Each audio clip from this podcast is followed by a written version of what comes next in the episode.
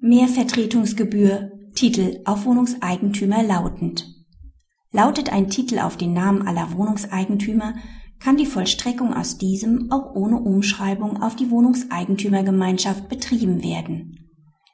Die Wohnungseigentümer betreiben als Gläubiger aus einem rechtskräftigen Titel gegen den Bauträger die Vollstreckung. Dieser wendet ein, dass die Forderung nach neuem Rechtsverständnis der Wohnungseigentümergemeinschaft zusteht, sodass zumindest die Mehrvertretungsgebühr des Paragraphen 7 RVG nicht anfällt. Dieser Ansicht folgt der BGH nicht. Zunächst ergibt sich die Erstattungspflicht der Kosten daraus, dass die Gläubiger wegen der Nichterfüllung der durch den Titel gesicherten Forderung davon ausgehen durften, die Vollstreckung betreiben zu können.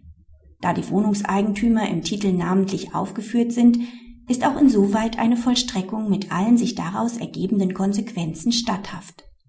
Ob die Entscheidung im Hinblick auf die Rechtslage zur Teilrechtsfähigkeit der Wohnungseigentümergemeinschaft zutreffend ist, kann offen bleiben.